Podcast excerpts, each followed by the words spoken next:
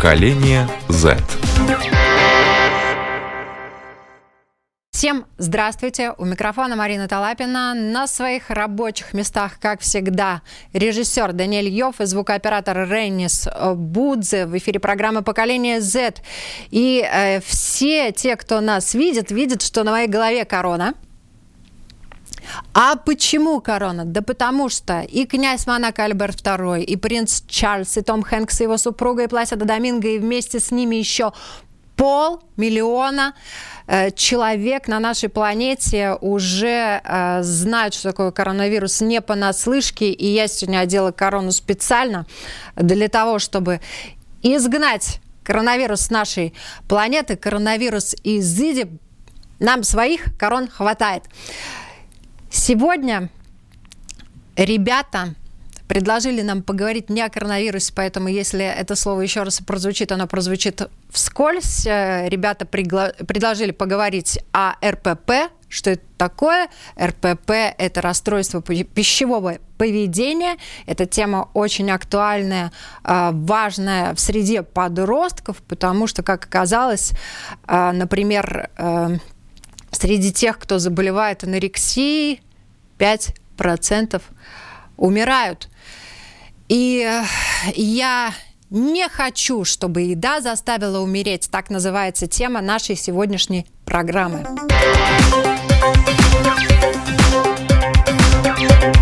Поколение Z. Это действительно очень актуальная тема. Я рада, что а, мы сегодня будем общаться пока что дистанционно а, с Леонардом Тесновым. Здравствуйте. С нами на связи также Анна Смыкова. Здравствуйте. Вика Карнюха, которая столкнулась с проблемой анорексии напрямую. И какой же разговор без специалиста на эту тему, да, и мы э, пригласили, и спасибо огромное, что этот человек согласился. У нас на связи по скайпу психолог, который работает в программе долгосрочной наркологической реабилитации в психиатрической больнице Гинтер Муйжа, психолог в подростковом ресурсном центре, а также в программе Дарьи. С нами на связи Арсений Павловский. Здравствуйте. Здравствуйте. И э, для начала хочется э, вам озвучить э, результаты нашего опроса. Анорексия – это болезнь или мощная диета? 6% думают, что это мощная диета. Встречали ли вы людей, которые страдают анорексией? И, к сожалению, 65% знают и встречали людей, которые страдают этим заболеванием. Аббревиатура РПП тоже знакома очень многим э, людям. Из четверых э, трое знают, что такое РПП. РПП – это расстройство пищевого поведения. Также мы задали вопрос, сидели ли вы когда-нибудь на диете? Как оказалось, 70% опрошенных сидели на диете. То есть большая часть населения, скорее всего, знает, что такое диета не понаслышке.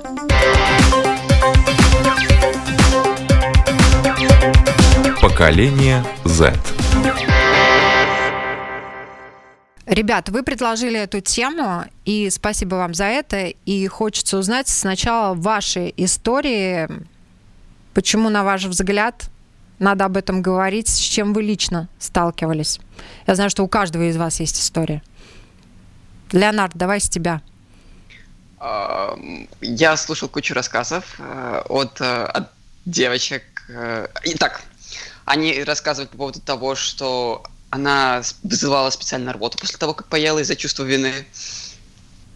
Да, я считаю это расстройство. И еще я знаю девочку, которая на грани с анорексией. И это ужасно. А самое ужасное, что я не знаю, как им помочь. Ань. А, да, э, на самом деле э, эта тема довольно важна, потому что среди моих друзей Э, знакомых и даже родственников я все больше замечаю людей с проблемами с пищевым поведением. Я в несильной степени, но все же столкнулась тоже с этим относительно недавно. Я всегда страдала от лишнего веса, просто вот у меня такой генотип, я склонна к полноте, в принципе. И э, в последнее время э, я стала сидеть на диету. В последнее время, это последние года два, наверное, три, чтобы как-то более не менее э, оставаться привлекательной в первую очередь для себя, наверное. Вот. Э, и недавно просто э, я столкнулась с тем, что начала чувствовать действительно угрызение совести из-за того, что я стала, в принципе, есть. Это действительно ужасно, потому что как это работает? Ты ешь, вроде бы все нормально, все замечательно. Ты выходишь из-за стола, и ты думаешь, что вот каждый кусок пищи, который ты поглотил, это все уйдет в твой жир, хотя на самом деле это абсолютно не так. И я думала, что я человек довольно адекватный и никогда с этим не столкнусь, потому что я знаю, что голодать в принципе это плохо, и то, что все потом уйдет снова в вес, даже вес прибавится. Но это настолько тебя затягивает, что э, у тебя идет внутренняя борьба между вот хочу похудеть и здравым смыслом. У нас есть еще э, история Саши Прокудиной. К сожалению, по техническим причинам э, мы не смогли, она не смогла участвовать э, в нашей э, программе. Давайте ее послушаем. Расстройство пищевого поведения. Э, мне кажется, что эта тема сейчас довольно-таки актуальна. Э, хотя бы э, делая вывод из своего собственного опыта, я не знаю наверное, ни, одно, ни одну свою подругу, у которой не было проблем с питанием, вот именно серьезных. Это то ли булимия, анорексия, э, просто переедание. Э, это действительно проблема, потому что от того, как мы питаемся, зависит, в принципе, вся наша жизнь, поступление энергии к нашему телу. Я думаю, что основная проблема заключается в том, что люди просто не совсем правильно воспринимают еду. Э, у меня тоже была такая проблема. Не знаю, насколько можно это назвать расстройством пищевого поведения, но отношение к еде у меня было явно ну, неадекватное. То есть э, у меня было полное ощущение, что если я ем, то я буквально загрязняю свой организм, даже если это что-то полезное, банально сельдерей, чай, все что угодно, будто бы все, что я потребляю, это меня медленно убивает. Просто, э, наверное, это были э, комплексы тоже из-за лишнего веса, и Просто мне казалось, что еда меня портит. Это звучит очень странно, но знаете, когда вы живете, эта мысль где-то у вас в подсознании, и вы э, никогда этого не признаете, пока не поймете, что у вас есть какая-то проблема. Э, я думаю, что просто нужно не терять эту границу между диетой и правильным питанием э, и уже проблемами со здоровьем. То есть эту границу не так-то просто уловить, как кажется. Э, как ее словить, я не очень понимаю. То есть э, у меня были проблемы примерно где-то месяцев восемь назад. Э, это было... Ну, все доходило до такого, то, что это были обмороки, выпадали волосы, вызывание рвоты и... Да, я надеюсь, что я с этим как-то более-менее справилась и более адекватно начала оценивать жизнь, здоровье, еду. Еда — это то, что дает нам энергию. Для чего как бы мы живем. Мы живем, и нам нужна энергия.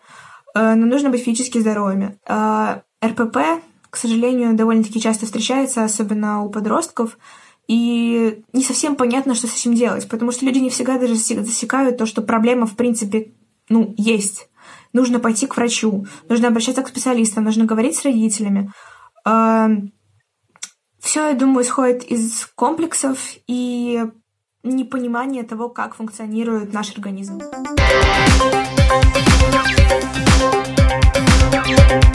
Поколение Z. И мы продолжаем. И э, спасибо огромное, Вика, э, что ты согласилась участвовать в нашей программе, потому что ты, наверное, ближе всего узнала анорексию, э, что это такое. И поделись, пожалуйста, своей историей. С чего все началось? Все началось, так сказать, с того, что... Как это объяснить? Наверное, с э, более такого юного возраста, наверное. И Я, в принципе, в детстве была довольно худенькой девочкой, но в связи где-то с класса третьего я начала полнеть. Ну, подростковый возраст, все остальное начинается. И как бы, ну, как обычная девчонка, как обычный нормальный человек, я начала полнеть. И как бы этого начали замечать окружающие, ну, как бы меня задевать немного. Ну, тогда я еще на это не обращала внимания. Но ближе к классу восьмого я начала как-то замечать, что да, я хочу похудеть и так далее. И как бы восьмой, девятый класс у меня все было адекватно. Просто начала заниматься спортом, более следить за питанием, не есть таким вредную пищу, ну, как бы фастфуд слишком много, слишком много сладостей, все более-менее умеренно. Поступила на первый курс в техникуме, и, так сказать, мое мировоззрение, мой круг общения немножко поменялся, и как бы там разные люди, немножко другие девочки, другие лю... вообще другие ребята. Ну и как-то первый курс прошел спокойно, но со второго курса как-то все чаще начала задумываться о своей внешности, как бы, что я слишком жирная, хотя я была, в принципе, нормальная. Я как бы с момента, как я сильно пополняла, я, мой самый критичный вес полноты был 70 килограмм при 150 сантиметров, я довольно низкого роста просто. И тогда я была нормально, как бы 50, 55, 53, ну, вес, так сказать, варьировался по-разному. Ну, это нормально, в принципе. Но как-то среди худых девочек иногда вот эти подкольные фразы, типа ну, на твоем фоне я, конечно, выгляжу худее, или на фотографии... Самая ужасная фраза для меня была это «ты на фотографиях выглядишь худее, чем в жизни», и это все время как бы откладывалось внутри. Да и плюс еще то, что меня в детстве задирали парни. Тогда я не обращала внимания, но подсознательно это все равно откладывалось у меня. И как-то раз ближе к концу лета прошлого года, не это лето, которое было, а предыдущее лето, я вернулась с Норвегии, и после Норвегии я набрала, ну, пару лишних килограмм. И это так дало мне, и так дало по психике, что я решила, все, я худею, конкретно худею. И я начала урезать себе пищу до того, что я могла с утра поесть 100 грамм творога, я прям взвешивала еду, считала калории, и могла пообедать там не знаю, чуть-чуть гречки и кусочек мяска, а на вечер ничего есть, потому что, о господи, я приезжала где-то после девяти, я такая думала, о господи, мне нельзя есть, потому что уже так поздно, я скоро ложусь спать, и это, иначе это ложится в жир. Вот. Я поняла, начала конкретно худеть и начала сбрас сбрасывать. Я в сентябре весила 55, в октябре я уже весила 45. И За потом... месяц 10 килограммов. За месяц 10 килограмм я скинула. Это была нереальная скорость. И как бы потом еще до ноября я скинула еще 2 килограмма. Где-то 43 вес пошел. И когда ты поняла, что это, в принципе, уже ненормально, что это проблема вообще? Когда у меня два месяца не было критичных дней. Ну, женское здоровье. Я замечала, что от первого месяца нет. Ну ладно, думала, задержка, ничего страшного, подростковый возраст, все остальное. Второй месяц, третий месяц. И потом я еще начала замечать, что в классе жарко, всем жарко, а мне холодно. Я сижу в двух свитерах, в теплых штанах, а мне холодно. Я трясусь от холода. И я как-то пару фактов. Это вот этот холод. Э, у меня все время было э, падо настроение. Я могла просто взять от ничего зареветь. И как бы... А, да, и плюс меня еще знакомые начали указывать, что Вика, с тобой все в порядке, ты такая худая, как бы тебе нормально? Как-то... А твои близкие, Я родители? Родители вначале не замечали, но потом как-то со временем, после пару моих истерик, то, что нет, мама, я не буду вечером есть, нет, папа, не надо мне э, там класть больше, больше салата на 10 грамм больше, господи, я же разжирнею, тогда, да, началось уже замечать и говорить уже. Угу. Вначале не было так сильно заметно. Слушайте, я думала оставить это наконец, но прочту сейчас. Стихотворение. Я его нашла в блоге э, Кеннеди Джейн. Это девушка украинского происхождения. Она очень интересуется анорексией, худобой и так далее. И вот э, она читает много книг об этом, и также вот э, «Смертельная диета» или «Стоп анорексии» Николаенко указана. Книга в ее интересах, вот стихотворение, которое из ее блога. В холодных прозрачных ручках дрожит сигарета. Стоят на хрустальных ножках в сумраке дымного света девочки. Тонкими ручками сжимают с кофе стаканчики. Девочки с острыми плечиками от холода прячут пальчики. В стеклянно-прозрачных глазках испуг и простая усталость. Девочки в модных масках. Им не страшна даже старость ножки, хрящики и жилки, прозрачные анахудышки, пальцы тонкие, как нитки, усталые хрупкие малышки, в обмороке тихо падают девочки, легкие, как птички, косточками своими. Радуют нас девочки-анорексички. Вот такое стихотворение на самом деле заставляет некоторых, наверное, даже плакать. А, у меня вопрос к Арсению. Вы занимаетесь этой проблемой уже достаточное количество времени. Как много молодых девчонок, может быть, даже парней к вам с этой проблемой обращаются? Сложно подвести статистику, потому что мы э, не считаем там, не знаю, заболеваемости процент. Как вы вначале сказали, процент, э, процент примерно один и тот же из страны к стране от 3 до 5 процентов э, жителей страдает э, анорексией, э, расстройствами пищевого поведения. В подростковый ресурсный центр обращаются достаточно часто сейчас. На различных этапах, например, после выписки из Гайлизерс, из психиатрического отделения, и э, семья, как правило, ищет поддержку и, соответственно, находит нас. Или э, до того, как э, обращаться к, э, уже за, психи, за психиатрической помощью, все равно э, ну, ищут поддержку, приходят к нам. Обращаются чаще всего уже, когда э, ситуация э, дошла до очень серьезной стадии, или в начальной стадии тоже народ понимает, вот как, э, мне кажется, у Вики, у нее такая э, ситуация, ну, достаточно еще на ранних этапах развития, она вовремя все это заметила. Хорошо, но хочется Вики высказать уважение за откровенность сейчас еще и за ну, такую детальную историю. В принципе, у меня, то, у меня сейчас много вопросов остается, как, как удалось совершить этот поворот. Потому что в тот момент, когда вес падает, часто бывает анорексия, ну, мотивирует еще сильнее, потому что вроде бы как получается, уже есть эффект, э, вес снижается, э, хочется еще и еще. При этом страх тоже нарастает, потому, э, страх набора веса, что если сейчас остановиться, вес откатится назад. И, соответственно, люди, ну, в, основном девушки страдают этим заболеванием, поэтому ну, девушки, наоборот, прикладывают еще больше усилий для того, чтобы снижать снижать вес. И плюс соответственно, а, начать меняться в тот момент, когда анорексия набирает обороты, очень и очень сложно.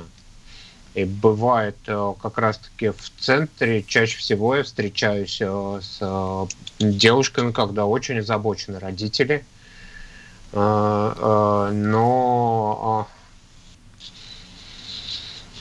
сложно сказать, хотят, не хотят, потому что все... Сами девочки вы имеете в виду, да? Да, да. Все девушки понимают, все боятся, не хотят умереть, хотят меняться, но а, при этом а, толстеть они тоже не хотят. Такой выбор между плохо и плохо, страшно и страшно. И а, потому что предлагаемые перемены, они связаны с набором веса. Набор веса – это то, что очень-очень пугает в этот момент. И поэтому часто, когда э, на первом приеме мы встречаемся, э, так ну, девушки производят впечатление сдавшихся на волю судьбы. Потому что с ними столько уже всего пытаются делать. И, в общем, чаще всего там говорят родители. Угу. Но Вика, я думаю, что вы, ребят, со мной тоже согласитесь, и Арсений согласится. Вик, ты молодец. Мне кажется, ты просто сумела вовремя себе сказать стоп. Это уже ненормально, да, это такая очень адекватная взрослая позиция по отношению к себе, к своему организму и, ну, наверное, здоровая э, самооценка вовремя включилась.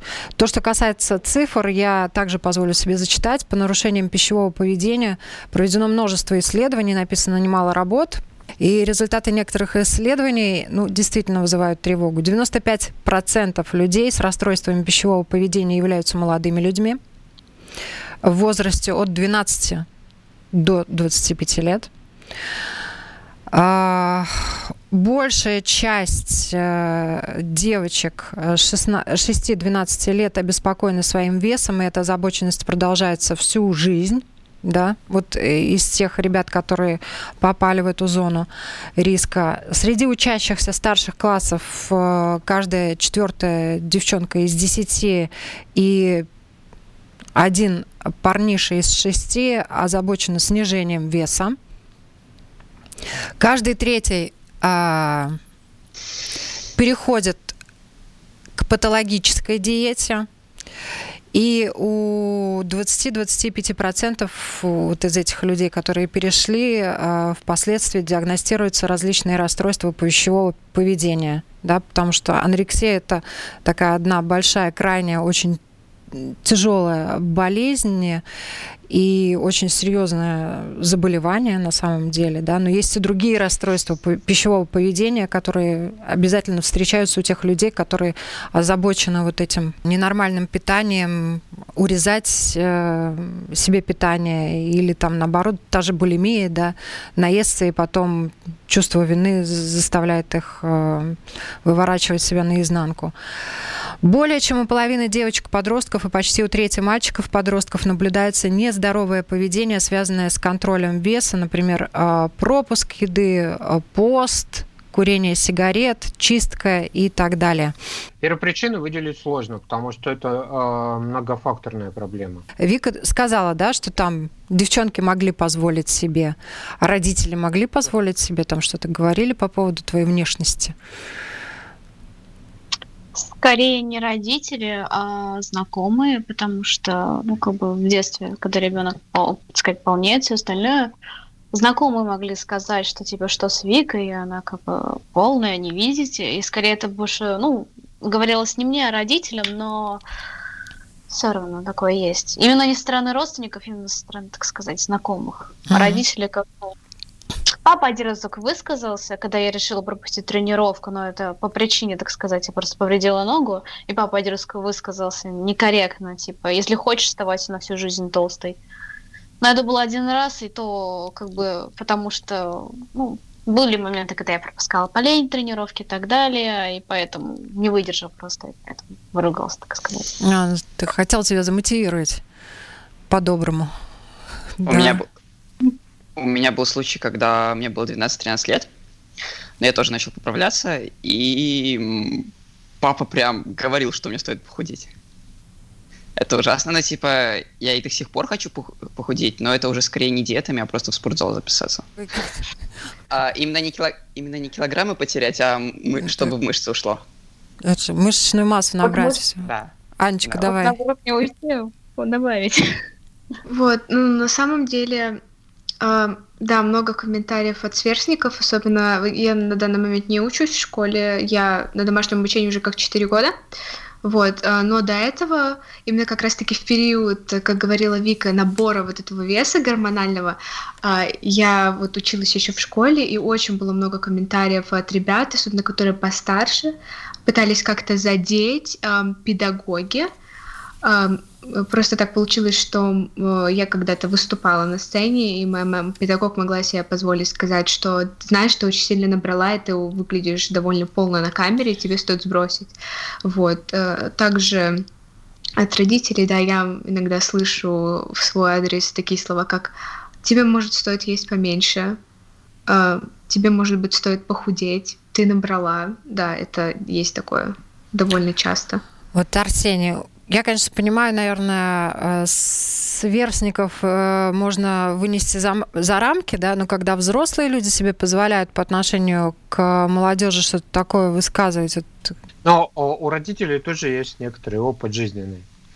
А, в практике совсем недавно, а, соответственно, а, я сталкивался с девушкой, которая страдает от очень интенсивного контроля веса со стороны мамы, потому что у мамы диабет, и она боится, что дочка э, пойдет по этому пути. Этот контроль веса такой достаточно э, опасный. То есть, э, в, э, принципе, при небо... Но э, девушка сопротивляется этому, поэтому здесь уже как бы вопрос про расстройство пищевого поведения, наверное, не будет стоять.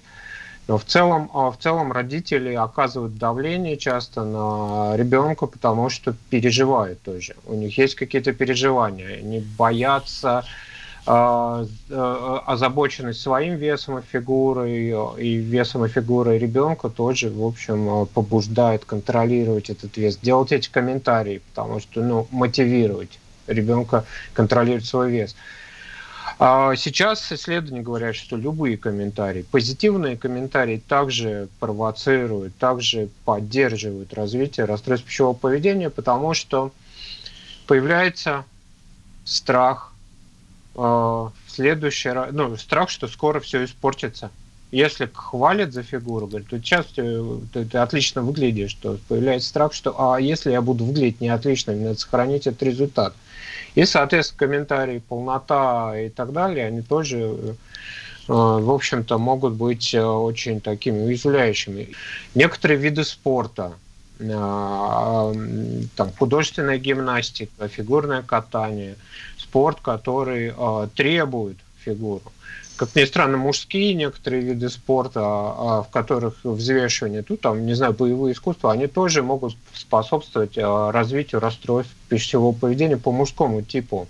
Это не всегда анорексия. Сейчас а, в официальных диагностических мануалах нету этого расстройства. Ну, возможно, он скоро появится, но специалисты говорят про бигорексию, когда, наоборот, хочется большие мышцы, когда нужно но наращивают вес, тогда едят специальную еду, заталкивают в себя, от которой уже тошнит, и не едят то, что нужно все равно, то, что организм требует.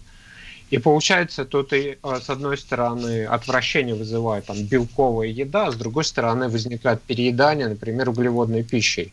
И Это, получается... кстати, проблема молодых людей. Наверняка, особенно когда подростки, молодые ребята, они хотят весить больше и так далее, хотят быть выше, сильнее, да. крепче. Я тут. Хорошо, когда такие люди встречаются, потому что э, э, один человек с ограничительным расстройством пищевого поведения может поделиться тем, как сложно ему есть мало, а другой может рассказать, как сложно есть много. Потому что почти те же самые проблемы. И э, ну, отвращение к еде, потеря э, контакта с телом, с чувством голода, не очень понятно, что хочется, не хочется. Э, и страх того, что если я буду есть меньше, соответственно, мышечная масса будет теряться. Как найти вот эту грань действительно между я хочу похудеть, и у меня действительно расстройство. Вот когда понять, что вот надо действительно обращаться к специалисту? Э, обращение к специалисту, как правило, при, э, подразумевает, что уже э, развивается что-то, с чем невозможно справиться самостоятельно. Мы сегодня фокусируемся, получается так, ну, опираясь на опыт, фокусируемся на идее похудения. Есть еще вторая идея, которая тоже может лежать в основе расстройства пищевого поведения. Есть только чистую еду, чистую, здоровую, биологическую когда, когда, в общем, эта тема начинает занимать э, основную часть жизни, даже если она никак не, не, не влияет, э, э, не знаю, еще не проявляется в виде симптомов расстройства пищевого поведения, там нет рвоты, нет переедания, нет ограничения, нет этого похудения, но тема, озабоченность сама по себе, она ну, просто начинает управлять жизнью. Там, учеба, отношения с людьми, отношения с родителями, увлечения все, они уходят в сторону или рассматриваются только через призму веса, что как вот Леонард, например, упоминание про пляж, оно, конечно, тревожащее, потому что это как раз то самое. Я не иду общаться с, со своими э, друзьями на пляже, потому что переживаю, как я буду там выглядеть. В принципе, это ну, людей, э, ну, мало э, кто не переживает, как он будет выглядеть, если он куда-то идет в публичное место. И это, в общем-то, э, ну, окей, это, это нормально. Но если это нас начинает ограничивать, хочется на пляж, но я не пойду, или буду купаться ночью, когда никто не видит, это уже, естественно, то влияние. А второй вопрос. Что вот делать с такими вот э, взрослыми людьми, которые нас окружают, которые действительно делают слишком много комментариев по поводу того, что, может быть, тебе надо похудеть, а вот сидишь, ты ешь, они оставляют комментарии, что вот зря ты это делаешь, не стоило бы этого делать. Как бы вот что делать с ними, как с ними разговаривать, и возможно ли что-то исправить, или надо действительно начинать с себя как-то? Пока вы не ответили, можно я расскажу, как я так сделал с папой? Да. А, папа так комментировал ну, то, что мама много ест.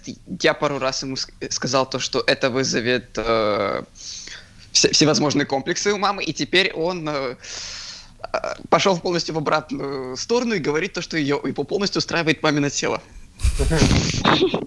Хорошо. Так перестроить маму, вот, папу на боди-позитив, да? Переключить. А, а, Аня, по поводу вопроса, это, ну, тут э, многое влияет. Как отношения ваши ну, строятся с э, родителями, если это родители, да, кто комментирует, или педагоги? Э, э, будут ли вас слушать? Если да, если отношения строятся э, таким образом, и ва- ва- ваше мнение имеет значение, вы можете прямо так и рассказать, как влияет на вас э, эти комментарии и какие, каким последствиям это может приведет. Это может быть такой откровенный, открытый разговор, что это ранит. Родители не хотят своим детям делать больно. Обычно. Бывает иногда, конечно, вред. Но если это невозможно по каким-то причинам или ну, ну, невозможно повлиять на своих родителей, то тогда э, важно искать поддержку. Важно искать, э, ту, ну, создавать себе окружение, можно активно это делать, э, людей, которые, ну, принимающие окружение, которые могут вас поддержать, которые не делают этих комментариев, которые обращают внимание на другие сферы вашей жизни и так далее. Э, те люди, с которыми вы чувствуете себя собой и э, чувствуете себя комфортно. Преподаватель э, достаточно значимая фигура, особенно если человек занимается каким-то творческим процессом или не творческим процессом, да, и его мнение значимо. И вот тут я даже не знаю, что сказать, если с этим преподавателем еще придется какое-то время работать, то комплекс э, у ребенка, у ученика 100 баллов засядет в голове, и каждый раз, когда он будет идти на занятия, он будет думать, блин, я не нравлюсь этому преподавателю, я слишком толстый или я слишком тонкий. Можно заручиться поддержкой родителей еще, например. Вот, и как третий... вариант, ну, с преподавателем. Да. Третий вопрос. Если ты видишь вокруг себя людей, которые действительно страдают э, от э, этого расстройства, и они тебе действительно говорят, да, вот я вызываю рвоту, да, у меня уже начинают выпадать волосы, но они категорически отказываются что-либо с этим сделать, как можно им помочь, можно ли помочь вообще? Ой, это можно помочь это достаточно трудная работа, которую важно проделывать. Тут важно научиться отделять расстройство от человека. Да, важно понимать, что ну, есть проявление расстройства. Когда человек э, э, там 40 или меньше килограмм весит, это расстройство большое место занимает в жизни и очень сильно влияет. Вот. Но при этом есть то, что для, для человека важно. Он как-то этому пытается сопротивляться, как-то а, а, хоть ну, каким-то образом это делает. Да? Мы часто а, в попытке помочь мы этого человека и обесцениваем. Его способности влиять на свою жизнь, его ценности. Да, и та же самая ценность а, эстетическая, да, ну, как там, я не знаю, если это худоба важную роль или тело важную роль играет. Когда мы говорим, это не важно, надо есть, надо набирать вес, то человек чувствует себя обесцененным. Так, ну, это такая девальвация. Поэтому важно попробовать, э, ну, если это близкий человек, да, а, то вспомнить, э, что вы в нем цените, что вам важно, и поддерживать именно это – возможно, в какой-то момент, э, не обращая внимания на это расстройство, да, важно ну, поговорить, по, делать именно то, что человеку нравится. И, возможно, это будет та самая поддержка, которая поможет опереться на вас и, э, соответственно, чувствовать себя более сильной для того, чтобы противостоять уже расстройству.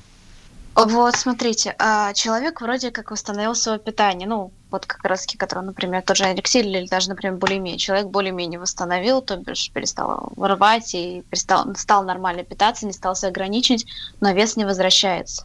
Что делать да. в такие моменты? Это проблема тоже, в которую никто не верит, когда снижает вес. Что набрать вес будет сложно. Очень Это, сложно. Да. А, соответственно, ну, здесь а, я бы, я бы а, больше рекомендовал, конечно, разговаривать не с психологом, а с консультантом по питанию, да, устру специалисты, специалист по питанию, которые есть в том числе у нас в подростковом центре.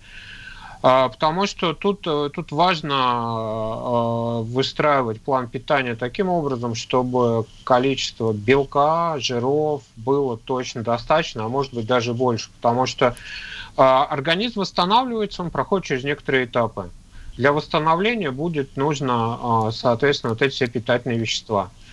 И, а, соответственно, похудение при анорексии, оно же тоже оно происходит, это не теря, организм теряет жир до какого-то определенного момента, а потом а, мышечная масса уменьшается, потом а, объем внутренних органов уменьшается и так далее.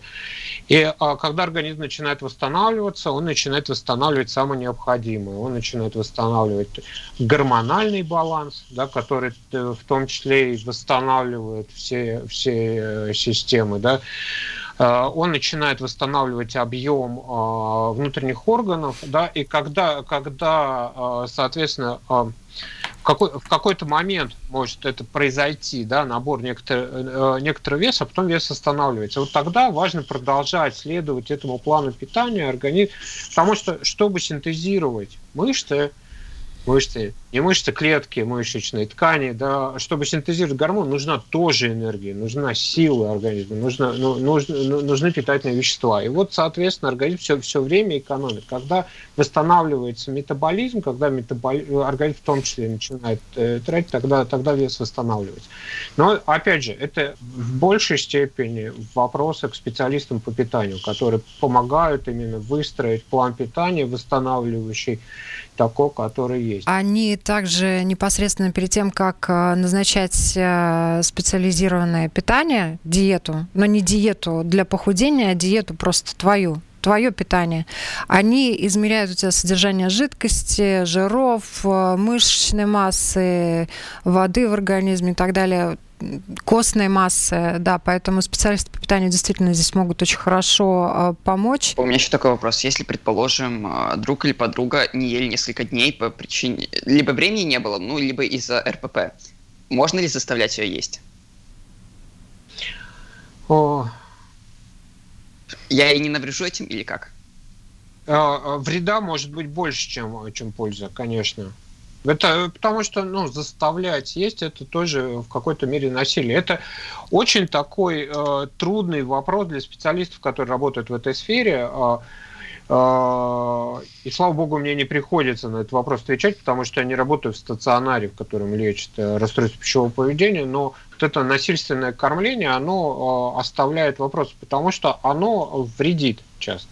Но это очень Оно... хороший вопрос, потому что родители э, часто заставляют детей кушать, да? Это, это вообще, это, а ну-ка съешь ложечку, еще ложечку, еще две за ложечки маму, за, за маму, за папу, да.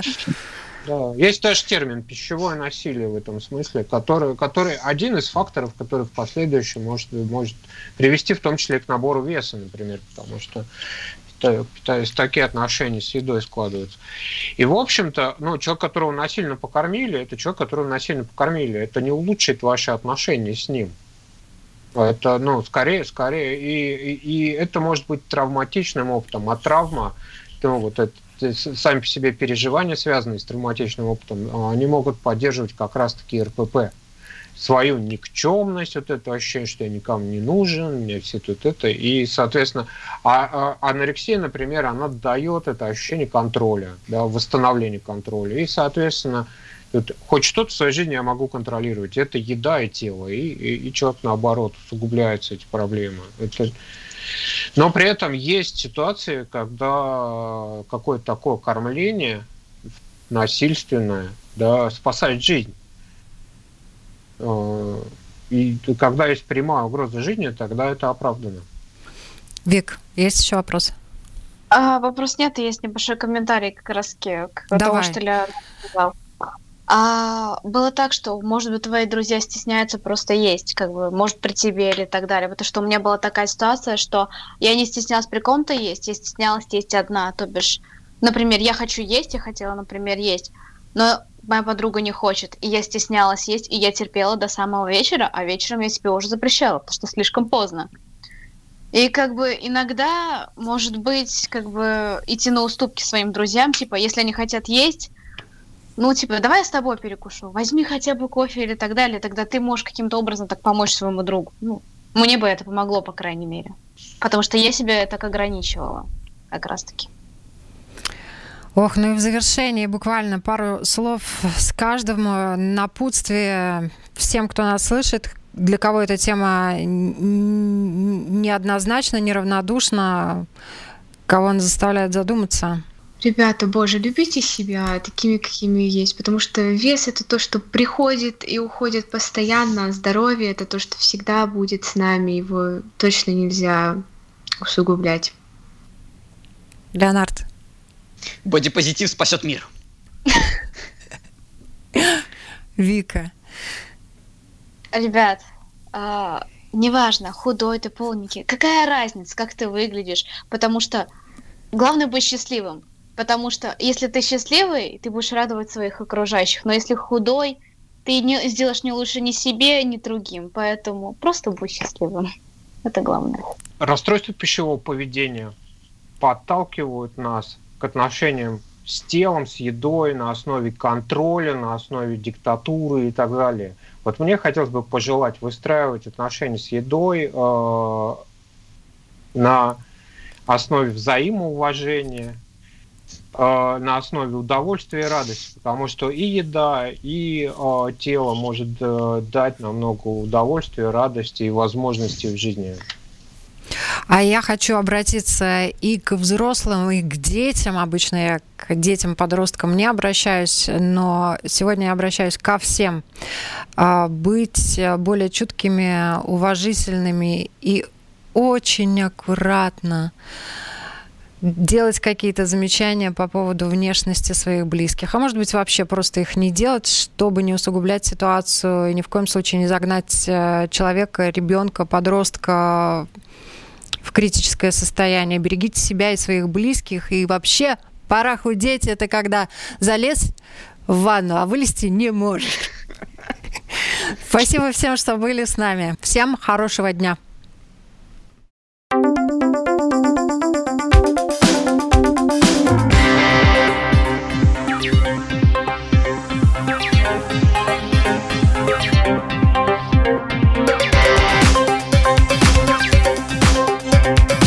Поколение Z.